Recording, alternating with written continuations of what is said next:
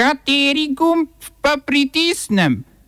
Tisti, na katerem piše OF. Mjanmarska vojska blokira dostop do Facebooka in drugih družbenih omrežij. Visoki predstavnik EU Josep Borrell napoveduje obisk Moskve zaradi aretacij protestnikov. Italijansko vlado bo poskušal sestaviti nekdanji guverner Evropske centralne banke Mario Draghi. Buongiorno, dober dan.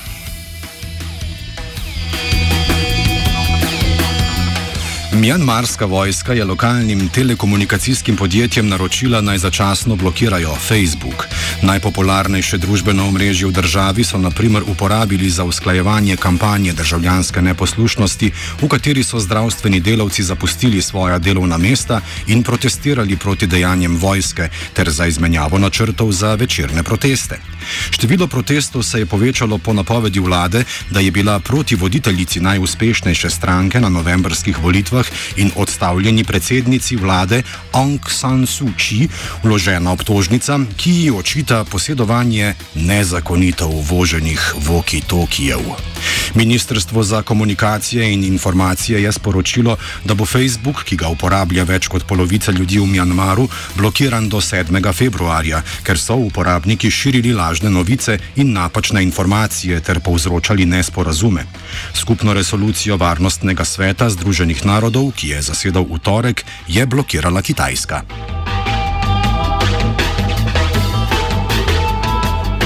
alive and well. Thundering in the. Naslednjo italijansko vlado bo poskušal sestaviti nekdanji guverner Evropske centralne banke Mario Draghi.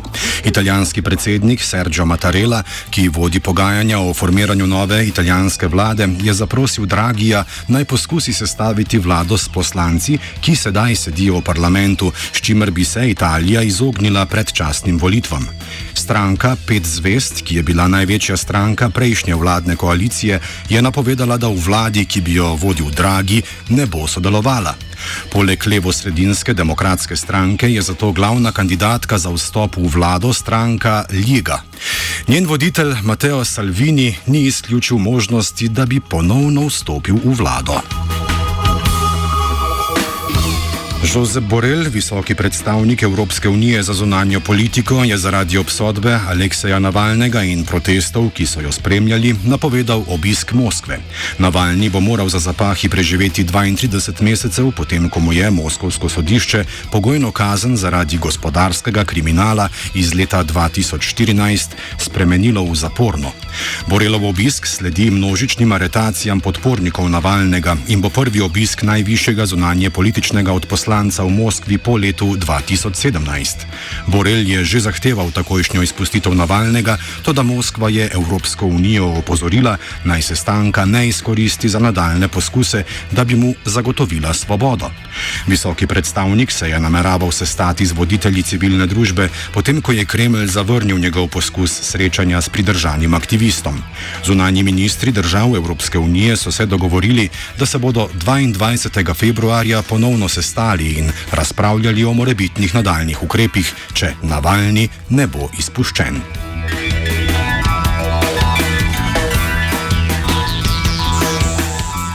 Načrti za umik ameriških čet iz Nemčije so zamrznjeni. Bidenova administracija se je odločila ustaviti potezo, dokler novi obrambni minister Lloyd Austin ne poda ocene lanske odločitve predsednika Donalda Trumpa, da zmanjša število ameriških vojakov v Nemčiji na 25 tisoč. To je bil odgovor na nemško neizpolnjevanje zaveze o porabi dveh odstotkov BDP-ja za obrambni proračun. Medtem ko bi približno polovica teh vojakov prišla domov, bi drugo polovico napotili v druge evropske države. Biden je bil kritičen do Trumpove politike do evropskih zaveznikov in je obljubil nov začetek čezatlantskih odnosov v času svojega predsedstva. Načrti za umik niso bili priljubljeni niti med demokrati, niti med republikanci, ki so trdili, da bi zmanjšanje vojaških sil v Nemčiji poslalo napačen signal Rusiji.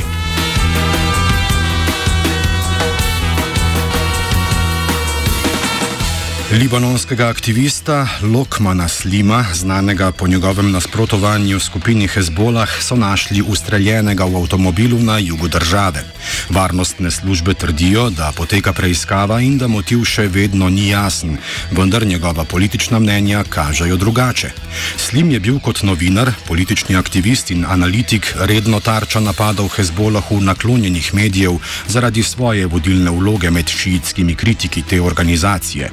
Slimova kritika Hezbolaha je naletela na ostro reakcijo privržencev oboroženega gibanja, ki so ga včasih imenovali veleposlaniški šiit. S tem izrazom nasprotnikom očitajo, da so orodje v rokah ZDA. Čeprav storilci niso znani, je Slimova smrt opozorilo za člane šiitske skupnosti, ki ne podpirajo Hezbolaha. Oba, če, če bom odgovoril na angliški. Slovenija will try to help. We can Slovenija will and we will do our utmost To say that the situation is our problem ourselves. and uh, We will make further steps as soon as the conditions are bomo vlado Marjana Cererja, Mira, Marjana Cererja Šarca podprli. uh, very, very serious. we know how and we will.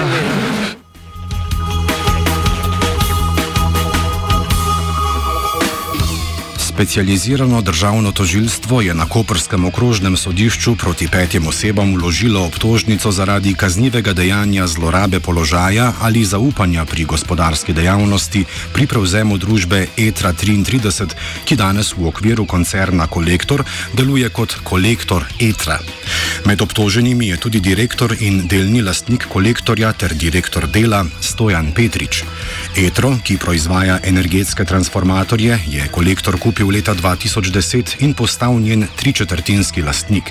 Bistvo preiskave, zaradi katere so kriminalisti eno obtožnico vložili že leta 2017, je očitek, da je kolektor takoj po prevzemu manjšinske deleže v ETRI po nižji ceni preprodal različnim podjetjem, ki so bila povezana z direktorji in vodilnimi v kolektorju. Tako je tu.